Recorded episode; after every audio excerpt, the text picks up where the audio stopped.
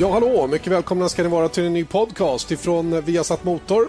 Janne Blomqvist heter jag. Jag vet att den är sen, men den som väntar på något gott väntar alltid för länge. Så är det. Vi är alltså på plats i Singapore. Just nu i vår kommentatorshytt där vi faktiskt sitter ser vi en bild över skylinen här i Singapore. Den är ju mäktig och massiv får man väl ändå säga. Eje Älg på plats här har redan haft eh, dagens utmaning, nämligen att försöka ta sig med taxi tillsammans med oss då hit till banan. Det var lite speciellt. Ja, hörru du, det är ju det är lite, det är ett skådespel. Alltså. Det är lika intressant varje gång. Och, eh, eh på något sätt så känns det som varenda taxichaufför har fått för sig att nej, det går inte att komma ner till banan. Och eh, det är alltid, man måste försöka övertala dem och, och, mer eller mindre tvinga dem att göra det man vill. Nu gick det hyfsat bra ändå, fast vi gjorde ju en liten tur till Kuala Lumpur och tillbaka ja, och så ja. vidare. Men eh, vi kom ju fram. Så. Allt ordnar sig. Allt fixar sig. På något sätt. Det finns en liten video faktiskt på vår Facebook-sida som man gärna kan kolla på. Den är ju lite intressant. Vi har satt motor, eh, satt motor Sverige heter den. Facebook facebook.com snedstreck Viasat Motor Sverige, vår Facebook-sida alltså. Eh, ja, podcast ja, det brukar ju handla om det mesta kring eh, F1 då när det är F1-helg och så också denna gång förstås. Ehm, lite intressant då eftersom det är första gången vi har fått träffa på Kimi Räikkönen nu efter det att det annonserades att han kommer att köra i Ferrari nästkommande säsong. Och eh, han var ganska klar över varför han lämnar Lotus. Väldigt tydligt skulle jag vilja säga. Ja, du tänker på pengarna där? Ja, visst, jo. Sen vet jag inte riktigt vad man ska läsa in i det. Eh, han hade alltså inte fått sin lön och menar på att det var anledningen till att jag bytte. Eh, självklart, man kan ju tolka det hur man vill, men jag tror inte det enbart handlar om att inte han har fått sina pengar. För förr eller senare så kommer han få sina pengar. Eh, det är ingen diskussion om det. Utan det är väl kanske snarare då en helhetsbild av den situation som råder. För har de inte råd att betala hans lön. Ja, det är klart, då har de inte råd att göra vissa andra investeringar som hjälper till att bilen, eh, bilen blir bättre. Och i slutändan så är det en bra bil han vill ha, Kimi. Mm. Han, eh, eh, han vill inte vara med om han inte kan vinna. Nej, så enkelt är det ju faktiskt. Ja. Och jag menar, vi ska väl ha klart för oss att förarlönen är ändå inte den stora, stora delen av den totala budgeten. Nej, absolut inte. Va? Men, utan, och det, det, det, är precis det jag menar. Sen, sen eh, det, det, är klart att, eh, att det har en betydelse. Eh, men, men som jag säger, jag är övertygad om att på ett eller annat sätt så får han de där pengarna. Så det, det tror jag inte är det stora bekymret. Utan mm. han vill, vill försäkra sig om att, eh, att han har de resurser som, som krävs. Men det är uppenbart att teamet har problem med ekonomin. Vi vet att han var bokad för oss att göra en intervju en torsdag när han uteblev för han var sjuk. Kan det vara sånt han bara han sätter lite press på teamet och så säger han att han är sjuk. Jag tänker inte åka bara för att markera. Ja, absolut, det är jag totalt övertygad om. Många skulle inte ha guts att göra det, men han skulle definitivt göra det. Och eh, jag vet till exempel eh, första testen i år, samma sak där. Han dök inte upp. Då hade han lite ont i magen eller var, var kvar inne i Barcelona och man fick stoppa in Valsecki istället. Och eh, de insatta som jag pratar med menar på att det är inget fel på han. Det är bara att han inte fått sin eh, löneutbetalning och då stannar han hemma. Så det, men, men det är ju inte, missförstå mig rätt, det är ju inte pengar. Det är ju inte att han behöver pengar. Nej, nej, det utan, utan det är ju bara att statuera exempel, att visa vem som bestämmer. Att, ja, sätta press på dem. Han är, han är, väldigt tydlig i sitt sätt att agera i alla fall, får man väl säga. Ja, men eftersom han inte är så pratsam, Janne, och förmodligen inte villig att sätta sig ner och diskutera det här, så gör han det på sitt sätt. Och mm. det jag tror det funkar nästan bättre. Ja, faktiskt så känns det ju som det. Att ja. Eh, det där är en sån tydlig aktion, eh, om det nu är som, som vi beskriver det. Och att eh, det ger en, tydliga signaler till teamet att så här är det och jag tänker inte tolerera vad som helst. Nej, det finns ju naturligtvis eh, förare som inte har den, eh, ska vi kalla det makt, eh, som, som Kimi har i det här fallet utan att dra några exempel, men, men mindre etablerade förare som eh, naturligtvis aldrig skulle våga göra en sån sak, för de vet att det står tio andra och väntar. Men i Kimmys fall, vi får inte glömma bort, Kimmy är en av de topp tre, fyra gubbarna där. Och, och eh, som jag har sagt tidigare, för Lotus så är det en katastrof det här. För att eh, det finns ingen replacement eh, på samma nivå som, som Kimi och eh, enligt mitt sätt att se det, deras absolut starkaste kort har under de här senaste två åren varit just Kimi Räikkönen. Mm. Inte bara på själva tävlingsbanan utan även i jakten på på pengar. Finansiering, absolut. Jag menar, det är inte så lätt nu att komma till vilka de nu diskuterar med efter att ha missat eller tappat sin guldkarv. För att då är de ju definitivt svagare, det kan man mm. konstatera. Mm. Um direkt startar naturligtvis diskussionerna om, eh, om den här, eh, det här Dream Teamet som Ferrari då får nästa säsong. Och eh, Många tycks ju vara väldigt övertygade om att det kommer att bli problem under nästa säsong, de här två kisarna emellan. Alltså Fernando Alonso och Kimi Räikkönen två, eh, två eh, überstjärnor får vi kalla dem då, att det här skulle liksom bli någonting som Ferrari kommer att få svårt att reda ut. Felipe Massa har uttryckt oro för det. Jag har hört att många andra har gjort det också. Personligen så känner inte jag det på samma sätt. Jag, jag upplever eh, inte att, att Kimi är en sån som går in i såna, såna fejder, eller vad ska jag kalla det? Tack vare att Kim är den han är eh, och eh, med den personligheten så, så håller jag med. Jag vill hålla med, med dig om det. Hade det varit Vettel och Alonso då skulle jag definitivt eh, sätta ut varningstrianglar i alla hörn. Alltså. Men jag tror att i, i Kimmys fall så han han kommer inte ta åt sig av vissa av de sakerna utan han kör sitt race. Och jag tror istället att det skulle kunna bli ett riktigt Dream Team. Beroende på naturligtvis eh, om det kommer att vara en som dominerar och så vidare och eh, om man håller sig till någorlunda fair play. Och Det finns ju de som anser att Alonso inte gör det, va? men det återstår ju att se. Mm. Ehm, det, det, finns ju en potens, potentiellt så skulle det kunna bli världskrig mm. inne i Ferrari. Mm. Och Det ställer ju oerhört höga krav på, på teamet att hantera det här. Om man tittar hur Lotus till exempel har hanterat Kimi så har det varit exemplariskt. De har verkligen fattat hur, hur man måste jobba med honom. Och Jag tror att eh, samma sak kommer att inträffa nu med, eh, med eh, Ferrari. Ferrari. Ja. Men, men det finns ju, självklart så kommer det finnas eh, finnas lägen där det kommer att bli, kunna bli spänt, alltså där den ene kommer att vara frustrerad. För att eh, det, det, är ju, det, det, som händer i ett team är ju att eh, ytterst sällan, eller aldrig skulle jag vilja påstå, så har bägge förarna exakt samma preferenser för hur man vill ha bilen. Och enligt vissa ramar då så kan man naturligtvis eh, eh individuellt justera, justera saker. Men sen kommer det någon ny grej, det är en ny framvinge eller vad det nu är, som visar sig passa den ena bättre eh, än, än den andra. Ja, då är det inte nödvändigtvis så att den andra kan bara hänga kvar vid den gamla. Ja, det kan man. Men i nästa skede, när nästa utveckling vidareutveckling. är vidareutvecklingen, ja, då visar det sig att du måste följa det spåret som, som är utsatt. Mm. Och det kan vara totalt eh, totalt eh, felaktigt för den ene föraren. Och då, det är då det, det blir tension eller att det, det blir problem. Mm. Och Sen handlar det naturligtvis om då att Eh, då blir det ju helt plötsligt lite rävspel mellan mm. förarna också och det är där problemen kan komma att dyka upp. Det är den enda oro jag känner inför det här samarbetet också. Är Kim Räikkönen tillräckligt intresserad av politiken internt i Ferrari. För det här gäller ju att hänga kvar i garaget. Här gäller det verkligen att, att ombesörja, att se, se till sin egen värld så att säga. Att inte bara tycka att ja, men jag kommer och kör och sen så blir det som det blir. Utan. Det gäller verkligen att vara om sig kring sig. Och, och, och... Ja, han är ju uppe, han, han, är ju, hans motståndare, om vi nu ska kalla det, blir ju Alonso. Då. Du vet vad jag, vad jag pratade om i en tidigare podcast här, att det fanns eh, vissa i, i Ferrari-familjen där som tycker att Alonso är alldeles för stark. Det är han som styr utvecklingen och det är han som, som styr hela teamet egentligen. Och det kan ju naturligtvis bli ett problem då. För att, eh, som du säger, Alonso eh, är den som stannar kvar och försäkrar sig om att saker och ting blir gjorda enligt hans önskemål. Mm. Och då är det ju naturligtvis så att då, där måste Kimmy också finnas kvar och bevaka sina intressen. Argumentera emot varför det är, är att gå åt fel håll enligt hans sätt att se det. Så att eh, kraven kommer i första hand att vara på teamet, att, att, kunna hantera det här och kunna tillgodose bägges intressen. Sen är det ju alltid på olika nivåer. Det kan ju vara vissa team där, där internt mellan förarna då, där det är totalt raka motsatsen. Jag skulle väl kunna säga, eh, om vi ser tillbaks på McLaren till exempel, så kan vi ganska snabbt konstatera att Alonso och eh, eh, Hamilton det var ju som gjort för, för eh, konflikter. Alltså, I och med att de kör så otroligt olika och har olika typer av bil, eh, önskemål på, på, bilarna.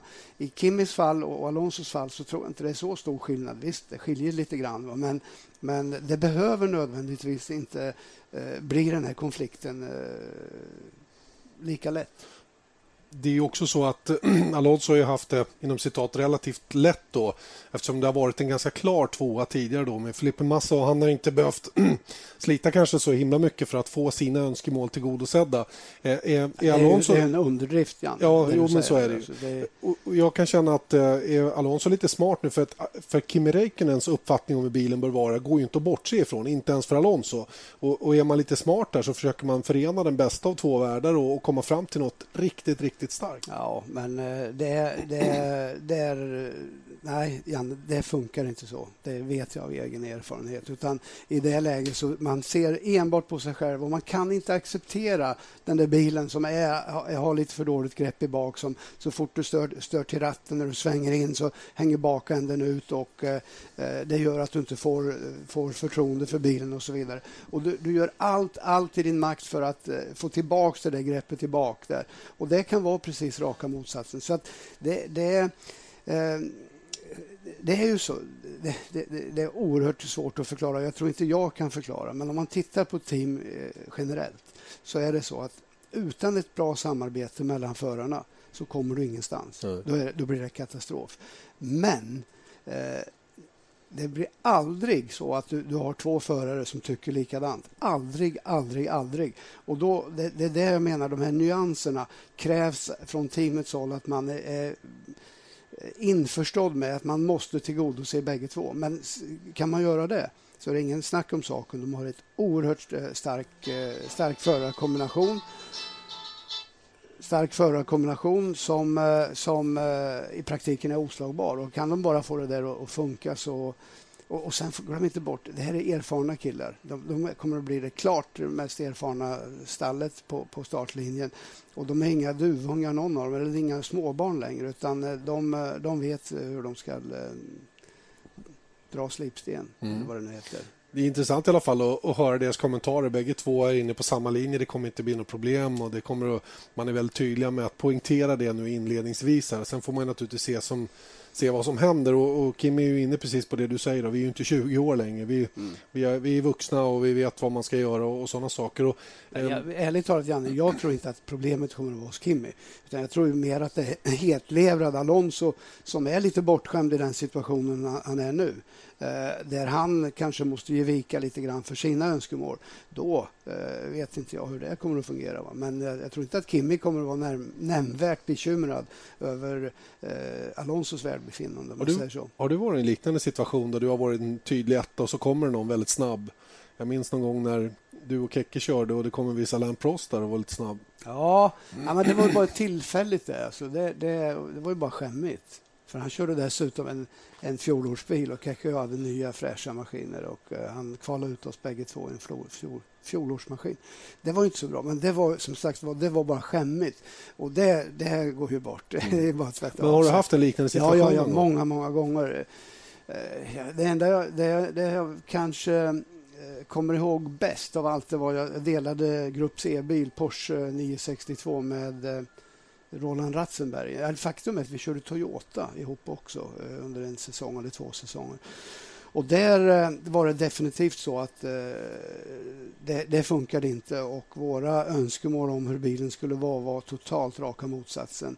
Och där blev det en sån där situation där jag såg att när jag hade haft möte med ingenjörerna och smög ut, ja bakvägen, ja då smög han in.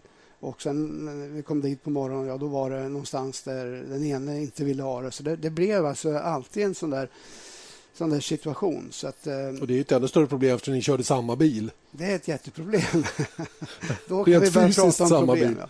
Ja. Eh, så att det har väl varit så också. Sen, eh, eh ja, sen är det ju naturligtvis, eh, jag kommer inte ihåg vilka jag kört med, men Roberto Guerrero till exempel i F2 Eh, Eh, det fungerar väl ganska bra, alltså, men, men, eh, men, samma sak där. Alltså, tyck, hamnar, man i ett lä, hamnar man i det läget att teamet säger att det här sitter på den andra bilen och titta vilken tid han gjorde. Mm då, då är man helt rökt. Ja. Alltså. För då har det inte gått fram, det här meddelandet att ja, men anledningen att han är snabb, en sekund eller en halv sekund snabbare, är därför att jag kan inte använda den bilen. Ja, men hur kan han göra det då? Mm. För att, och, och, du vet, vi också pratar om det här med ingenjörer, förhållande mellan ingenjörer och förare.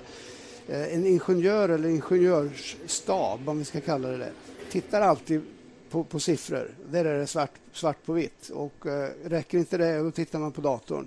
Så, eller i sin, sin dator och där finns det bevis på vindtunnlar och det ena med det andra. Och där kommer den här verkliga konflikten in. Va? Och det kan i värsta fall då bidra till att eh, det blir en dålig relation mellan förarna som i slutändan innebär att den ena bara försöker att eh, bara försöker att tillförskansa sig egna fördelar så att säga. Och då kan det brista i den här strävan efter att driva framåt eh, eller driva utvecklingen framåt för teamet. Mm, och Det är det här jag känner att det finns ett litet frågetecken kring när det gäller just Kimi Räikkönen. Hur intresserad är han av att hela tiden vara där för att tillgodose sina egna önskemål? Det, svaret på den frågan har inte jag och jag kan inte Eh, det, det kanske, vi kanske bara inte vet det. Vi Nej. kanske luras av hans Exakt. Eh, attityd. Va? Där han ser ut som att han inte bryr sig och så vidare. Va? Men, men, eh, jag tror man misstar sig grovt. Om låt oss man... vänta och se. Alltså för att, eh, Ja, det, det, kan vara ra, raka motsatsen. Mm. Jag tror man misstar sig grovt om man, om man ser Kimmis laid back-attityd som ett svaghetstecken. Jag tror att det är snarare tvärtom. Mm. Ja, men absolut. Alltså. Men, men eh, jag skulle snarare, se, snarare tänka mig att det är andra faktorer som kommer att bli problematiskt för Kimmy. Det är faktum att han kommer tillbaks i Ferrari, Ferrari som är det klart, klart mest uppmärksammade teamet medialt och från fans och allt det här. Eh, och eh, inte minst då inhemsk italiensk media där det krävs att bara, man är bara en förare, man är inte någon superhero utan man är bara förare i världens bästa bil. Mm. Oavsett om den bilen inte kollar topp 10 så är det ändå världens bästa bil för att den råkar vara röd. Mm. Så att eh, det är just hur han ska klara den, den biten. För det, det, det vet vi medvet, det är alla medvetna om att han, han vantrivs med den typen av situation. Han, han han tycker inte om det. Nej. Nej, det, där är, det, där är, det är ett intressant fenomen där och det kommer att bli spännande att se vad, vad, som, vad som kommer att hända så att säga, framöver mellan Kim Räikkönen och Fernando Alonso. Som sagt, det spelar ingen roll hur bra förare man har om inte bilen är tillräckligt bra. Nej. Och där har Ferrari ett enormt arbete ja, framför absolut, sig. Absolut. Och, äh, redan ryktas lite grann. Jag kommer inte ihåg vem jag pratade med men som menar på att ja, de har jätteproblem med eh, bränsleförbrukningen i nya motorn. Bränsleförbrukningen som, som kommer att vara ett, eh, en, en oerhört viktig faktor nästa år. Mm. Ja, vi har, eh, vi har verkligen en intressant eh, säsong framför oss då, trots att vi nu är inne i en eh, pågående där det dock är en ganska klar ledning just nu då för Sebastian Vettel. Har ni hört lite bilar i bakgrunden? Ni lyssnar alltså på Viasat Motors podcast som lite sent om sidan nu produceras. Det är alltså GP2-bilarna som rullar in i depån nu för att alldeles strax dra igång sin träning. Då är man ju lite spänd på att veta vad som kommer att hända härnäst då när det gäller silly season. Vem tar platsen i Lotus till exempel då efter Kimi Räikkönen? Och där har vi ju hört lite vilda rykten. Jag fick ett samtal som sa att Pastor Maldonado var en klar favorit till att ta den platsen. Um, Nico Hylkenberg är ju på allas läppar också för den platsen. Hylkenberg som var för övrigt, han medgav det på presskonferensen igår eller efteråt att han var lite besviken över att ha varit så nära den här platsen hos Ferrari men där han är, till, till syvende och sist fick ge sig då när Kimi fanns tillgänglig. Mm. Ja, de som eh, tittade på vår sändning från Italien är väl eh, utleda på att höra mig eh, skryta över Nico Hülkenberg. Men jag tycker att han är en oerhört skicklig förare och värd en, en plats i ett, ett, av de bättre teamen. Definitivt. Han hade inte gjort bort sig hos Ferrari, det kan jag garantera. Jag tror att eh, klarar bara Lotus av att eh, hitta den ekonomi som krävs, eh, och, så att de, vilket innebär att de kan välja förare enligt eh, önskemål, sina egna önskemål, ja då är det Nico Hulkenberg. Men sen så finns det ju naturligtvis eh, eh klara, klara indikationer eller klara förklaringar på varför de skulle ta eh, Maldonado som har halva Sydafrika med sig. Som, Sydamerika? Så, Sydamerika. Eh, Sydafrika också kanske, jag vet inte. Men eh, han, eh, han har ju väldigt god backning som naturligtvis kan innebära att Lotus klarar av att hålla sig på den relativt höga nivå som de ändå är nu. Och det, så det får man inte, man inte bortse ifrån. Och vad som kommer att hända där har jag ingen aning om. Och sen har vi dessutom Filipe Massa som säger att han, han känner att han har fortfarande goda chanser att kunna fortsätta. Och nu vill han ha en bil som han kan vara med och slåss om VM i. Jaha, var hittar han den då? Hallå där. Ja, nej, men hoppet är det sista som överger en Formel 1-förare. Jo, men så är det ju. Det, är ju. det ligger i sakens natur att den typen av uttalanden kommer eftersom han är ju på öppna marknaden nu. Ja, han måste ju promota sig själv som en kille som verkligen vill och inte Självklart. bara nöjer sig med en plats i Formel 1. Självklart, visst är det så. Var tror du att han hamnar? Ja, jag kan ju, jag menar, det ska bli intressant att följa den här utvecklingen hos Sauber som ena veckan säger att eh, pengar det är inte intressant utan deras förarval är enbart baserat på den förare de tycker, tycker det är bäst. Sen eh, går det ett par dagar och sen, sen talar de om att eh, Frins, som de utmålade till eh, världens största talang för sex månader sedan, ja, de tycker, skickar hem honom för att skaffa mer pengar mm. och eh, byta management. Så att, eh, det är lite delade delade meningar där i, i eh, det. Men där har vi ju en situation. Skulle det gå vidare nu och vara verklighet med det här ryska samarbetet och Sirotkin, om de nu lyckas få in Sirotkin som, som andra förare eller som en av förarna där, då känns det väl ändå som de måste ha någon gubbe med riktigt ordentligt mycket erfarenhet för mm. att inte tappa det totalt. Alltså. Hur mycket support tror du Felipe Massa har från Ferrari fortfarande? Skulle de kunna tänka sig att rabattera motorerna till Sauber för att Massa skulle köra där? Är det bara, ja, det, är det bara i mitt huvud sånt existerar? Ja, det, det, däremot om, om de säger att, eh, att Nico Hülkenberg var kvar, då skulle jag mycket väl kunna tänka att de kunde subventionera Eh, motorerna för att få in Bianchi där. Mm. Men man kan inte hålla på. Jag menar, det är bara att acceptera, Janne. Massa har varit där i 8-9 år haft jättebra Formel 1-karriär. Eh, det kan ju inte fortsätta i all evighet. Mm. Utan de måste ju tänka, tänka framåt och deras framtid ligger ju i, i de yngre killarna i så fall. Men det, det, det resonemanget, då är ju Massa borta. För han har ju inga pengar. Ja, men hade du frågat mig först har du sagt det, då hade jag svarat ja.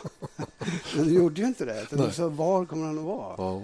ja nej, men, uh, nej, jag, jag, jag, tror att uh, han löper ganska stor risk att uh, hamna utanför. Alltså. Så första frågan var ju vem som tar Kimi Räikkönens plats. Du tippar på Hylkenberg. Ja.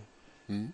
Ja, det blir spännande att följa med, ut. Med en liten eh, parentes där. Jag, jag, jag, tror att det här Maldonado-spåret inte är helt otänkbart. Nej. Nej, det, det, dessutom eh, så, så hörde vi ett rykte om att Alonso inte var 100% säker hos Ferrari mm, heller. Det gjorde vi också, men det var nog bara ett typiskt sånt där silly season-rykte skulle jag kunna tänka mig. Mm. Ja, det ska väl mycket till om det ska vara värt att köpa loss en sån som Fernando Alonso eller att han ska köpa loss sig själv ifrån det kontraktet. Ta med sig då den stora sponsor som en gång såg till att han hamnade där. Tänk dig att de ska byta team all den merchandise, all, allt det arbete för att flytta en sponsor från ett team till ett annat, det är nästan ogör i den här tidpunkten på ja. den här säsongen. Jag tror i och för sig att Alonso är i stånd att eh, vidta vilka åtgärder som helst för att eh, för att försäkra sig om att känna sig rättvist behandlad och så vidare. Skulle han hamna i en situation där han tycker att, eh, att han inte får den attention som han, han anser att han är, har rätt till, mm. ja, då kan ju vad som helst inträffa. Ja. Jag tänker på hur det såg ut i, hos McLaren där. Eh, det är redan halvvägs genom säsongen, det börjar braka loss och det urartade helt enkelt. Eh, så att, eh, ja, som min mormor sa, man, man, eh, man, ställ, man tar inte honom där man ställer honom. Nej, så är det. Fattar du det? Nej, nej. men det ordnar sig. Unge, Din mormor var säkert klok. Ja, nej, men det betyder att du kan aldrig vara säker på vad den, eh, den uh, gossen tar till. Han blir inte kvar där man ställer honom kanske. Ja, hur som helst, det blir spännande att följa fortsättningen. Vi har inga vidare besked egentligen att komma med i det avseendet utan där är ju, vi spekulerar naturligtvis väldigt mycket om vad som skulle kunna hända. Men det intressanta är det vi har pratat om är ju att Kimi Räikkönen nu alltså är klar för Ferrari och att han skulle ha varit klar för Ferrari egentligen så länge som sen midsommar ungefär även om den slutgiltiga namnteckningen kom efter Monza. Och jag tror att det har att göra med Massas kontrakt. Att det hade en prestationsklausul som var tvungen att eh, förfalla så att säga då, innan man kunde definitivt signa med Räikkönen. Ja, nej, men det är jag helt övertygad om att det ligger någonting i. Sen eh, tycker jag väl kanske att det jag tycker nog att det kanske ligger eh, lite för... Ja, jag, jag, har svårt att tänka mig att det varit så klart för, för så länge. Alltså, för att eh, det betyder ju att det varit ett otroligt skådespel från alla eh, under en så pass lång tid. Och eh, ett sånt skådespel, det blir alltid någon spricka någonstans. Ja, men det har ju florerat rykten hur länge som helst och jo, många har varit jättesäkra. Jo, jo, jag vet det, men, men eh, du vet, ett, ett rykte kommer ju till bara att en manager går och, och, pratar med en annan någonstans, ett team någonstans så är det ju igång. Va? Så att, nej men du, det kan, det kan, du kan ha helt rätt, va? men jag tror nog inte att, att det var bestämt redan i midsommar. Det tror jag. Nej, nej. Hur som helst, hos Ferrari handlar han alltså Kimi Räikkönen och de finska journalisterna de går runt och ser ut som de har vunnit på Lotto ungefär. Man kan ja, förstå det på något sätt. Det, det, är ju naturligtvis ett otroligt lyft för Formel 1 i Finland att få Kimi i Ferrari igen. Mm. Och det är lite av en revansch alltså för att han, han, blev ju i praktiken utsparkad, får ja. inte glömma bort. Ja. Och så tar man, tar man honom till nåder. Mm. Ja, Vilket visst... är helt rätt. Jag menar, Kim, så mycket som jag och du skryter om Kimi, han är ju en av de bästa och mm. vill Ferrari om de inte klarar att bygga bilar får de väl i alla fall se till försäkra sig om att de har de bästa förarna och det har de nu. Ja, verkligen. Det visar på stort mod i alla fall att ta det här beslutet och det har man nu alltså tagit. Eh, vi är alltså på plats i Singapore. Det ni hör i bakgrunden är alltså GP2-bilarna som är ute och kör sin eh, enda träning. De har ju bara 30 minuter att förbereda sig inför kval. Ett viktigt sådant som eh, körs lite senare ikväll, väldigt sent ikväll lokal tid. Det är ju eh, egentligen endast kvalet som för GP2-killarna då körs i elljus då, så som F1-loppet och F1 överlag avgörs. Eh, och eh, det tycker i alla fall Marcus Eriksson var lite synd att eh, de inte får köra när det är mörkt så att säga då, utan när det är ruskigt varmt och som det är. Eh, nu på eftermiddagen. Ja, det är klart. Eh, det är ju drygt 30 grader. Det är ju varmt även på kvällarna men det, är lite annorlunda luft på något sätt va, som gör att det blir lite lättare att Ja, ja, det vet du fan. på Nej, men det är lite behagligare i alla fall. Och, eh, eh sen tycker jag ju att eh, jag tycker det, det blir en helt annan atmosfär med mörkret och, och bilarna som kör runt i det här upplysta spåret runt Singapore. Jag, jag kan förstå Marcus där. Ja. Marcus som beskrev det som att det är, det är okej okay att köra men så fort man är klar då vill man skjuta ut sig med katapulten. Så det är så fruktansvärt varmt. Och de förlorar ju två kilo lätt ja. under ett race. Ja, men det är det. Jag har ju själv kört i sådana här förhållanden, till och med i täckta bilar eh, ganska mycket. Och, eh, det är väl en sak när du, när du kör och har någorlunda luftcirkulation eh, i, i kupén. Men när du stannar, ja då är det inte roligt. Alltså. Men, men samtidigt så blir det ju ett läge, är det tillräckligt varmt så har det ingen betydelse egentligen. För det, det är lika varmt det, i bilen i alla fall. av det ja. i alla fall. Ja. Så att, eh, Plus att det är, det är, ju lika varmt inne i bilen egentligen när man kör. Men det ja. är ju som sagt före och efter då som det är jobbigt. Och det gäller för förarna att tanka på verkligen. Att se till att eh, dricka precis hela tiden för att inte hamna i ett läge där man går bensinstopp så att säga på vätska under själva tävlingen. För det kan bli ödesdigert på en sån här bana som kräver full koncentration. Eh, för mig som är för första gången på plats här i Singapore så är det väldigt speciellt att komma hit. Det är ju en riktig racerbana mitt i stan. Mm, visst är det det. Och, eh, det, det går okay, det är många långsamma svängar men det är mycket mer racerbana än Monaco i och för sig. Eh, dels har du längden på den, lite varierande svängar och så vidare. Eh, men den har ju alla andra ingredienser som ett typiskt stadslopp. Eh, eh, oförlåtande, gör ett misstag, ja då slår du in mur någonstans. Eh, väldigt harkigt och, och, så vidare. Så att, eh, det här jag tycker det är en höjdpunkt en av höjdpunkterna på Formel 1-säsongen. Mm. helt klart. Som vi berättade tidigt i den här podcasten, och lite utmanande kanske att ta sig hit. Då. Det är inte helt lätt att eh, förhandla med vakter och andra om att få komma dit man vill. Eh, det är väl möjligen det då som kan vara lite bekymmersamt för åskådare och sådana saker. Då. Och det skiljer sig väldigt mycket då från många andra race under kalendern naturligtvis att det är på just det här sättet. Eh, jag upplever dock att Singapore är en höjdpunkt för alla förarna som kommer hit i alla fall. Man tycker om att köra här helt enkelt. Ja, visst gör man det. Och eh, det är ju bra längd på banan som jag sa. 5 kilometer, hela 23 kurvor och du har ju några riktigt, eh, riktigt eh, tuffa, svåra svängar som eh, Eh, jag vet inte vad vi ska ta till. Man ska inte heller glömma bort Janne, Man har ändrat ett av dem, eh, ett, av, ett ställe på banan, kurva 10 som tidigare var en chikan. Du kommer ihåg där Kim Räikkönen lyfte över en kurv och rätt in i räcket. Och det var ju en riktig, riktig ja, det, det, var någonting som inte passade in. Där har man gjort en vänstersväng nu. Eh, kommer inte innebära några omkörningar tror jag, men en riktigt snabb, otäckt snabb eh, sväng utan någon som helst avåknings... Nej, det är noll och inget på utsidan. Noll, just precis. Va? Så att, det är ju väldigt, väldigt tufft med sådana här race. Mm. Vi pratade om GP2, vi pratade om Marcus Eriksson. vi vet ju att Marcus är ju grymt stark på just stadslopp så att, jag tycker vi kan ställa höga förväntningar på honom. Han var tvåa här i sprintracet förra året, hade ett dåligt kval, var sjua i feature-racet, tvåa i sprintracet. men om vi tittar på vad han gjort tidigare, Macau till exempel, pole position, Eh, varvrekordet fortfarande. Varvrekordet fortfarande. Monaco, Monaco vet vi att han är stark även om han hade en miss där i år. Eh, så att eh, jag tror att eh, det här kan bli riktigt bra. Det kan passa rätt så bra ja. Eh, vi pratat om värmen och hur det påverkar naturligtvis och eh, eh, jag tror i och för sig då att alla förarna är så pass fysiskt trim numera så att det här är ingen, det är inget egentligt problem. Nej, absolut. Visst, det är, det är inte ett problem. Det är bara att det är att det är jobbigt, men det är det för maratonlöpare också. Oavsett om du leder eller, eh, eh eller om det är 4 000. Eller hur? Ja, så kan man ju se på det. Naturligtvis. Några speciella minnen härifrån, de här åren som man har kört?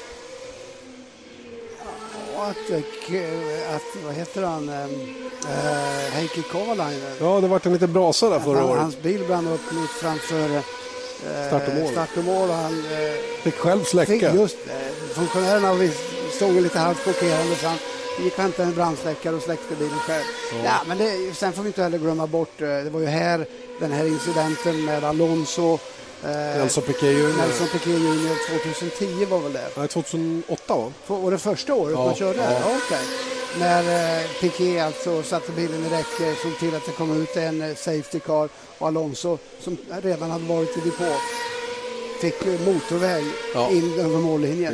Eh, det där var ju ett, eh, det var inget vackert. Eh, vackert det vackert fick konsekvenser taktik. också för flera. Det. Helt klart. Eh, en annat minne som jag har det är naturligtvis eh, Felipe Massa som kanske brände en av sina chanser att bli världsmästare där året, just 2008 när han lämnade depån efter tankstopp med tankriggen kvar sittande i bilen. Det var ju en av de här grejerna som gick fel för Massa där året. Han hade ett motorhaveri också i Ungern som också blev väldigt, väldigt dyrbart från ledning den gången. Och det där är såna små, små detaljer som i slutändan blir väldigt avgörande. Ja. Ja, det var ju ett av hans eh, klart bästa år eh, och eh, det var ju lite, lite osis får man väl lov att säga. Minst sagt. Ja. Men vi, vi kan, om jag tittar lite grann på så senaste åren så är det Vettel som har vunnit. Förra året vann han före Jenson Button. Button som har varit stark här. Mm. Vettel har vunnit två gånger, Alonso har vunnit två gånger. Första gången man körde här 2008 och 2010. Eh, bortsett från de två så är det bara Lewis Hamilton som har vunnit här och det gjorde han 2009. Mm. Eh, och 2010 då var det Vettel och Alonso som krigade med varandra riktigt ordentligt också. Han jagade verkligen Vettel bakom Fernando Alonso men kom aldrig till. Ja, det brukar bli ganska bra race här. I ja, alltså. jag, jag upplever det här som en riktig höjdare själv i alla fall. Ja, och dessutom, det är lite kul, vi tittade alldeles eh, tidigare på lite, lite siffror här och när det gäller, eh, gäller eh, Safety Car så står det 100 procent possibility eller probability. Mm. Eh, probability. Troligen. Troligen 100 procent ja. Och eh, det innebär ju tillsammans med att det här är en av de långsammaste banorna att det inte är helt osannolikt att vi får ett race som går mot klockan. Det gjorde det förra året. Ja. Eh, där sluttiden var två timmar och 26 sekunder eller något ja. liknande för. Två timmar i maxtid alltså för ett Formel 1-lopp och vi ser varvtiden nu för eh, GP2-killarna 1.56. Eh, kapa 6-7 sekunder på det så har ni ungefär då vad tiden kommer att ligga. Jag tror att varvtiden de bästa brukar ligga kring strax under 1.50 för Formel 1 eh, just här då i Singapore. Så det, det, är ett oerhört långt, hela 23 kurvor som man ska tillryggalägga under ett varv. Och det är eh, full koncentration som gäller hela tiden om man ska om man ska vara snabb rakt igenom hela det här racet och det, det ställer stora krav på förarna rakt igenom kan nämna då gärna att pole position förra året var 1.46,3 mm. och det var Lewis Hamilton. Annars banrekordet innehas av just Kimi Räikkönen. 1.45,5. Vi ska inte heller glömma eh, Lewis Hamilton förra året som hade ett kanonläge när växellådan gav upp. Och det, var, det, var, det var så surt för Hamilton som eh, hade en, en, ett jättebra race på gång när det där inträffade. Ja, Hamilton Hamilton är ju en annan sån här kille som är grymt stark på den här typen av banor. Och hans eh, körstil som han har, det, det, gör att det blir lite mer förlåtande på en sån här bana. Eh, och jag är inte förvånad och jag tror säkerligen att Mercedes kommer att eh, komma tillbaka efter en dåligt kval för en gångs skull på Monza så kommer man till banan med full downforce i praktiken. Och jag är övertygad om att eh, de kommer att hitta tillbaka till sin storstilade kvalform. Och då eh, på en, på en sån här bana så är ju kvalet grymt viktigt. Ja, det, det, är faktiskt lite intressant vad vi har sett nu de två senaste tävlingarna, Belgien och Italien som har varit två högfartsbanor där Red Bull helt plötsligt har sett närmast oslagbara ut. Nu kommer vi tillbaka till en bana där däckslitaget återigen kommer att vara en, en, en stor, eh, en stor faktor för team och förare att eh, hålla koll på. Och, eh, eh, vi vet ju att senast vi körde en bana som inte är speciellt snabb och knixig och där det var grymt varmt i Ungern, ja, då var ju Hamilton grymt snabb. Ja, visst var han det. Och, eh, eh det är ju så, Janne, att eh, du nämner Red Bull, att de var, var snabba på Spa och Italien här. Självklart så kan du hitta förbättringar på bilar som gör att, eh, att den blir bättre på ena eller andra banan. Men ofta, ofta så betyder det att du får offra lite grann av någonting annat. Och det innebär, skulle i så fall innebära att eh, kanske att man inte är riktigt lika snabba på en sån här bana som man var tidigare. Utan eh, det kan mycket väl vara så att eh, Mercedes återigen kommer att vara med där uppe. Ja, det finns stor sannolikhet för det, verkligen. Och eh, jag tror att Red Bull såg de här två tävlingarna, både i Belgien och i Italien, som två nyckelrace för deras del. Att rycka åt sig en liten ledning och jag tror att man har satsat väldigt hårt på att vara bra just där till den här säsongen. Jag är övertygad om att man hade gjort det. Mm.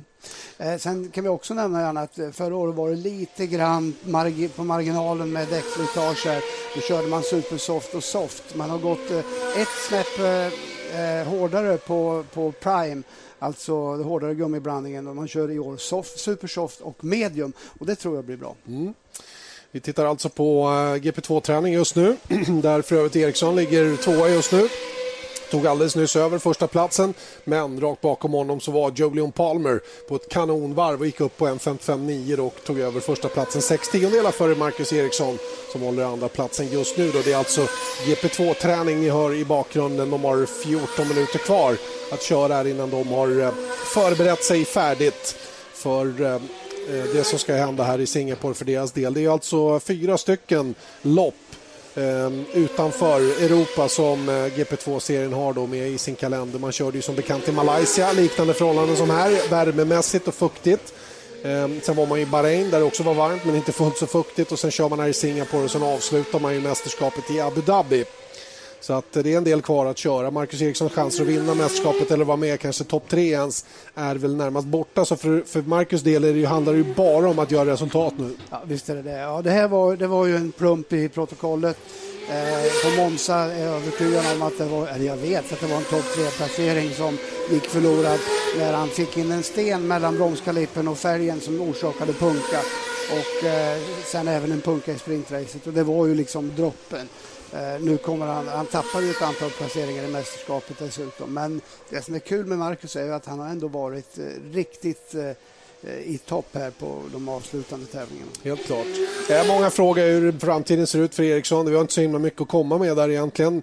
Naturligtvis så tittas det ju på hur eh, framtiden kommer att te sig för Marcus Erikssons del men det är ingenting klart ännu utan det är helt enkelt bara att avvakta och se vad som kommer att gälla då när säsongen så småningom är färdigkörd. Det, det är egentligen det enda besked vi har i det avseendet för närvarande.